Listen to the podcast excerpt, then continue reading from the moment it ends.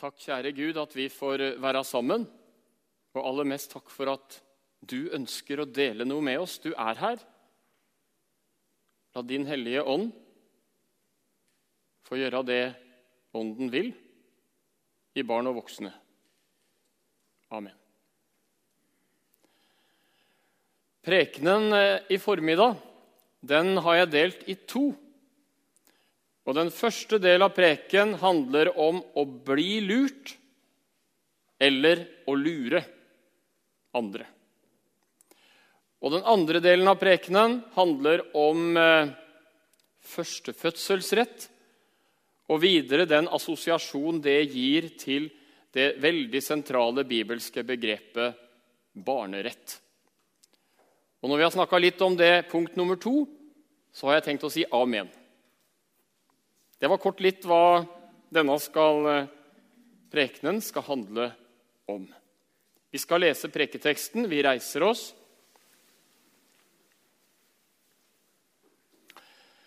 Første Mosebok, kapittel 25, fra vers 29.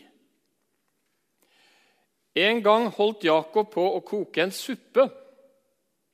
Da kom Esau hjem fra marken, trett og sulten. Han sa til Jakob, 'La meg få sette til livs noe av det røde du har der, for jeg er helt utkjørt.' Derfor kalte de ham Edom. Men Jakob sa, 'Du må først selge meg førstefødselsretten din.' Esau svarte, 'Du ser, jeg holder på å dø av sult.' 'Og hva skal jeg da med førstefødselsretten?' Jakob sa, 'Sverg først på dette.' Så sverget han og solgte sin førstefødselsrett til Jakob. Og Jakob ga han da brød og linsevelling, og han spiste og drakk. Etter måltidet reiste han seg og gikk sin vei. Så lite brydde Esau seg om førstefødselsretten. Slik lyder Herrens ord.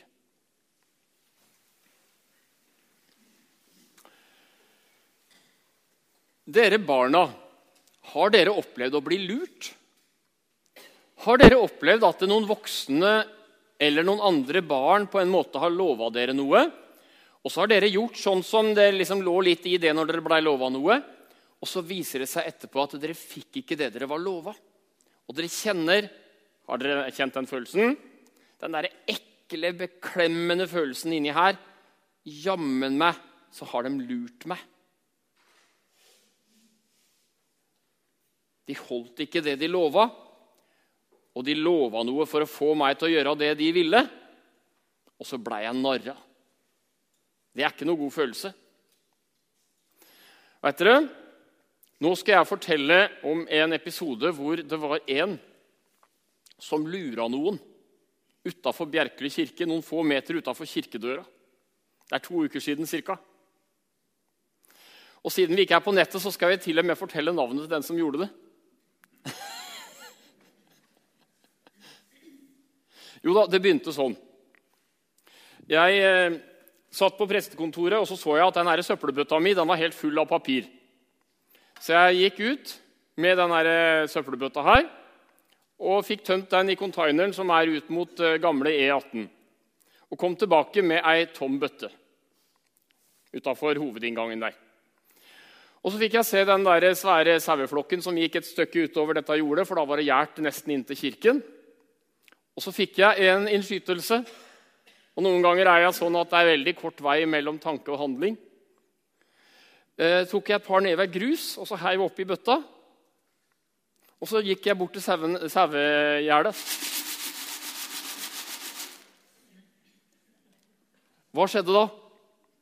Akkurat som jeg hadde regna med. Hele flokken kom springende i full fart. Og jeg tror de blei litt skuffa.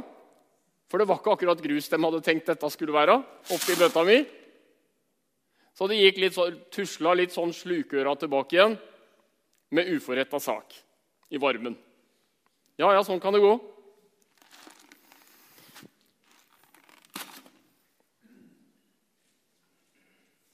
Jakob, som vi hørte om i teksten i dag, han var ekspert på det å lure folk. Det går igjen når vi leser om Jakob andre steder i Bibelen. Så er det et grunntrekk som går igjen mange steder. Han eh, lurte broren sin, tvillingbroren sin Esau en gang seinere grundig. Og han eh, lurte onkelen sin Laban. Og det som gikk igjen i lureriet til eh, Jakob, det var at han lura folk til å gjøre ting som skulle være til Jakobs fordel. Hans makt, hans penger. Og lura til seg andres penger. Det er dumt jeg står her for lyden. Lura til seg andres penger og andres fordeler. Og var veldig klok og utspekk, i den grad en kan kalle det klok, da, i det å lure folk. Og så skjedde det med Jakob, som veldig ofte skjer med mennesker som lurer og bedrar andre. Det slår tilbake. Det slår tilbake før eller siden. Det viser seg, det, og jeg tror jeg ser en og annen av dere nikker. Dere har erfaringer, og dere veit at sånn er det. Om det kan se ut som du har lykkes veldig godt å lure noen med litt sånn eh, halvfine eller eh, halvfalske knep, så slår det tilbake. Og det gjorde det til gangs for Jakob. Og Det er på mange måter en smertehistorie hvor vi ser at Jakob klarte å narre til seg fordeler for seg sjøl, og det slo tilbake som bare det. Det blei et bittert hat imellom tvillingene Esau og Jakob. Og eh, han blei grundig lurt av eh, onkel Laban, som brukte sleipe triks tilbake igjen. Kanskje derfor det heter Laban eh, seigmenner oppi når Nidar lager seigmenner. Jeg tror det har noe med den bibelfortellingen der å gjøre, men jeg skal ikke snakke om seigmenner nå. Det kan være tema i et annet fora enn akkurat her. Men Bibelen forteller om mennesker, den forteller om falskhet, og den forteller om hvordan det slår i retur. Og Vi trenger å høre det, for vi har en rot i oss, vi mennesker, som gjør at vi trenger formaninger fra Bibelen om sånne ting som angår livet, og som angår det å være menneske. Og den luringa med Den luringa som Jakob gjorde det var jo ekstra dårlig gjort, da. Hvor eh, Esau, ekstra sulten, ekstra sånn som tenkte kortsiktig Og så utnytter Jakob det svake punktet til Esau til sin egen fordel.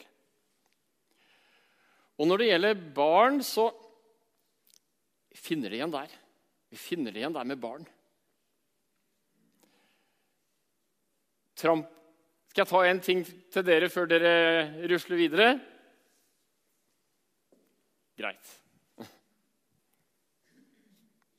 Det går igjen for mennesker. Det med å lure, det å bli lurt, å bli narra. Hvor eh, vi sitter der med den beklemmende følelsen og så gjør det forferdelig vondt fordi vi har blitt gitt forhåpninger som ikke var virkelige, og som ikke blei innfridd. Og når det gjelder oss voksne Når pengemakta når den brer seg som en isende frostvind i et samfunn, i et hjem, i et sinn, da lurer vi andre og da lurer vi oss sjøl. Det går igjen. Det er en livslov. Da blir det sånn at uh, istedenfor det bibelske idealet å tjene andre mennesker, så blir mottoet å tjene på andre mennesker. Og det er veldig annerledes. Det er veldig annerledes. Og jeg vet at det er barn som har opplevd det at uh, de blei så glad fordi det var en eller annen i klassen som Jo, nå vil vedkommende være veldig venn med meg. Blei veldig glad for det. Og så viste det seg etterpå at det var baktanke. Det barnet ville veldig gjerne bli med og bli bedt med i den spennende bursdagen i trampolineparken i Tønsberg. Og var egentlig ikke så interessert i vennskap allikevel. Da er det forsøket på vennskap verre enn ingenting. Når det er en sleip baktanke med det hele. Paulus, når han forkynte evangeliet, og han sier i Korinterbrevet om sin egen evangelieforkynnelse Vi brukte ikke knep. Vi for ikke fram med list. Men klart og like til forkynte vi dere evangeliet. Folk er vare for knep. Og Gud bevare fra i den gode hensikts navn å gjøre noe som på en eller annen måte fører folk litt bak lyset og blir også antydning til lureri. Gud liker det veldig, veldig dårlig.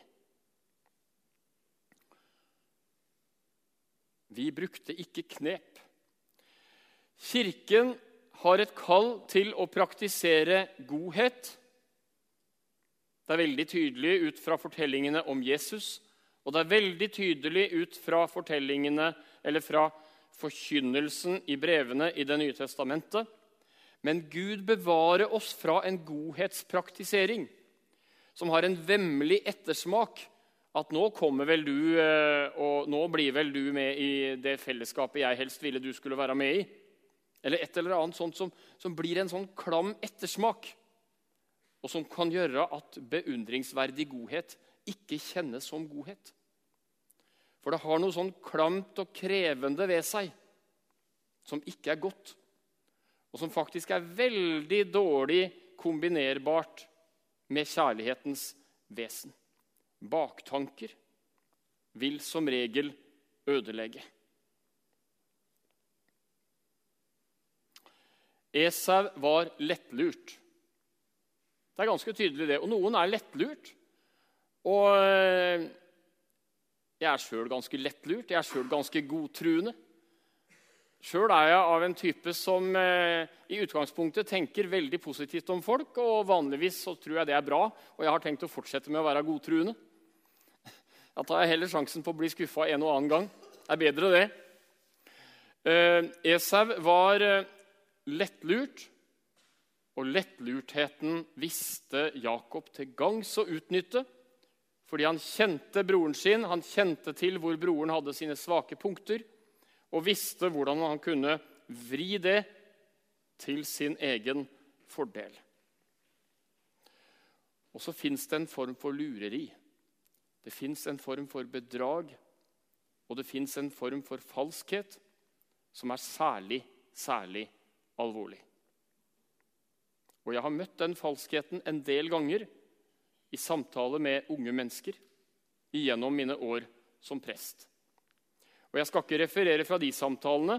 Det skal jeg naturligvis ikke. Men jeg skal referere fra det en jente eller en ung kvinne skrev, og som er gjengitt i en bok, og som sier noe om sårheten i en det en del unge jenter opplever. Denne unge jenta skrev om ekskjæresten sin han trampa på det fineste i meg. Da lå det et skrik av sårhet. Hun hadde opplevd og trodd og vært overbevist om han er glad i meg, han vil meg vel, han satser på meg, han prioriterer meg, han elsker meg. Og så kjente han seg etterpå som ei brukt skurefille. Hvor han hadde trengt seg inn i de skjøreste, vakreste rom og gjort forferdelig, forferdelig ugagn. Det er en god del av det. Og det pleier å ta mange år før den type sår gror så noenlunde og gjør litt mindre vondt. Det er en særlig form for alvorlig overgrep, alvorlig lureri, som på det dypeste bryter med Guds hjerte bryter med sånn Gud tenker.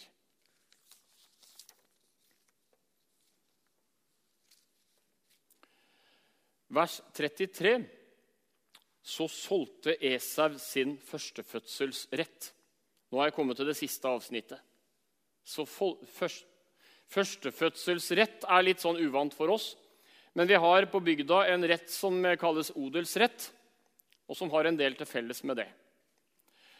Og det er normalt ikke sånn at odelsgutten på en gård i Re har odelsrett fordi han eller fordi henne er spesielt flink, er spesielt dyktig og har gjort seg fortjent til det. Odelsretten er i utgangspunktet uavhengig av sånt. Odelsrett. Og det leder tankene mine til det Bibelen ofte snakker om barneretten hos Gud, som heldigvis ikke grunner i åndelig flinkhet, som heldigvis ikke grunner i prestasjoner eller et eller annet vi har klart å stable på beina i forholdet til Gud. Efeserbrevet begynner med en glad lovsang. Den er lang, den er høystemt, den er jublende. Jeg skal eh, litt fritt gjengitt ta noen punkt ifra den høysangen. Hør. Vi skulle få rett til å være Guds barn ved Jesus Kristus. Hans herlighet og nåde er øst over oss i rikt mål. Ikke på grunn av vår åndelighet og våre gjerninger. Men hvorfor? Fordi han elsket oss. Ser du evangeliet? Ser du hva barneretten er? Øst over oss fordi han elsket oss. Fordi han elsket oss i Kristus. I Kristus er frelsesplanen fullført. I ham er vi arvinger. I ham kom vi til tro da vi hørte evangeliet om vår frelse. Sånn lyder evangeliet om den førstefødselsrett, den barnerett, den arverett. Gud av hele sitt hjerte ønsker at du skal få leve i, leve av, hvile i der du er. Og Så synger en svensk kvinne, eller sang en svensk kvinne. Jeg har en bror som ved Guds side vet om min sak og ber for meg. Jeg har en nådestrøm så vide som himmelens hvelving strekker seg. Jeg har en talsmann tro i nøden. Og så synger hun med litt av samme begeistring, litt av samme lysende lovprisning som lovprisningen i Efeserbrevet, om barneretten i Jesus Kristus. Som vi har vært inne på. Jakob var en synder. Synd og krenkelser lagde ei hengemyr av gærne ting. Det gjorde det vondt for Jakob. Det gjorde det vondt for familien til Jakob. Og når vi leser mange kapitler om Jakobs liv, så ser vi det følte smerte, trøbbel, lidelse, splittelse, hat i kjølvannet av falskheten i den familien. Det er syndens vesen, det. Det blir mye gærent og vondt der den får herje, og det ugraset får lov til å spre seg sånn som det vil.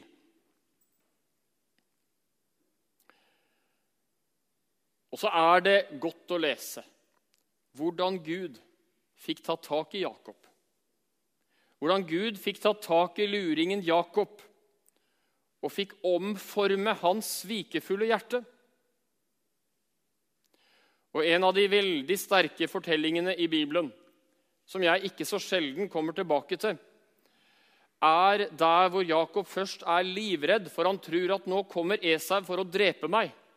Nå kommer jeg til å dø under min brors sverd. Og så ender det hele med at de to barske mannfolka står og holder hverandre tett rundt, omfavner hverandre, og begge gråter. I en kjærlighetens, forsoningens gjenopprettelsens gråt mellom to søsken som har brukt mye av livet til å krige mot hverandre. Så ærlig er Bibelen å fortelle om hvor komplisert livet kan være.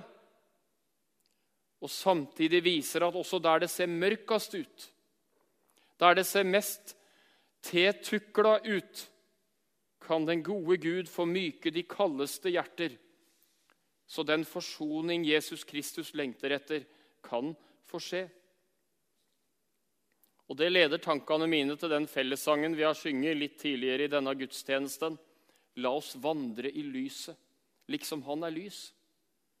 Og Når Ragnar spilte den, og når forsangerne leda oss inn i den Det er det motsatte av fusk. Det er det motsatte av baktanker, sleipe baktanker, hvor vi beregnende har lagt opp et løp for å få noen til å gjøre et eller annet, for å lure noen til et eller annet, og for å vri situasjonene til vår egen fordel. Det å vandre i lyset.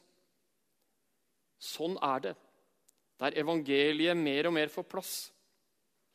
Der evangeliet mer og mer får gjøre den velsigna gjerning som det var tenkt at evangeliet skulle gjøre, inn i din familie og inn i ditt liv.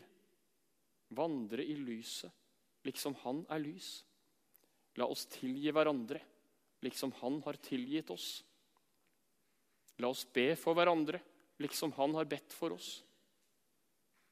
Det er en gave å få lov å vandre i lyset. Og vi inviteres på fornya måte inn i det i dag.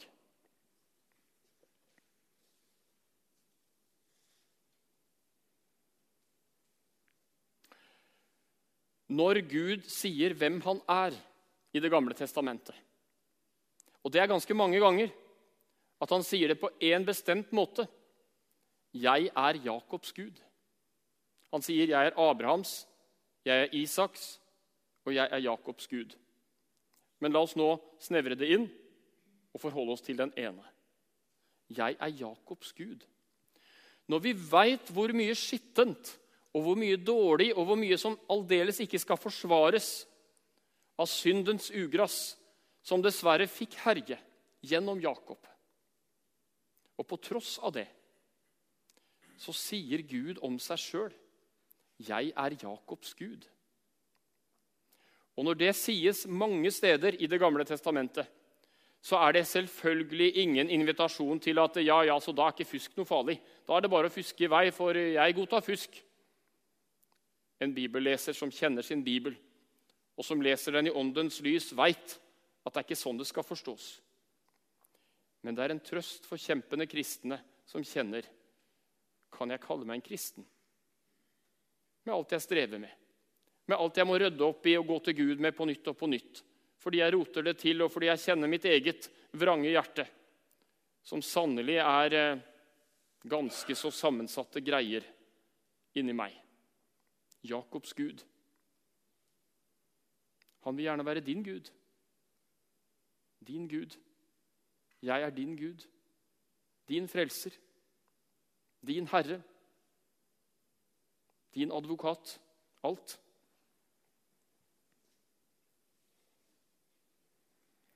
Den som fikk mykne Jakobs hjerte, tror du han er i stand til å mykne ditt hjerte? Mykne mitt hjerte? Han er det. Vi kan overlate. Ta hjertet mitt. Stell med det. Ord med det, du. Sånn som du vil at det skal være. Og la det få ringvirkninger i familien, i forholdet, også i de forholdene vi syns er vanskelig. Også inn i de forholdene som vi kanskje ligger og grubler på i seine nattetimer. For det er noe med den relasjonen som er trøblete å håndtere. Ta mitt hjerte som ditt eget. Sett deg i den rette skikk, synger en dame, Ludemilla Elisabeth, ei tysk dame. Jeg har bedt den bønnen atskillige ganger, og jeg syns det er godt å få be den. Nå lar vi det bli ett minutt stille, ca. ett minutt, før vi synger neste fellessang, for at det vi har vært sammen om, kan få synke litt i den enkelte av oss.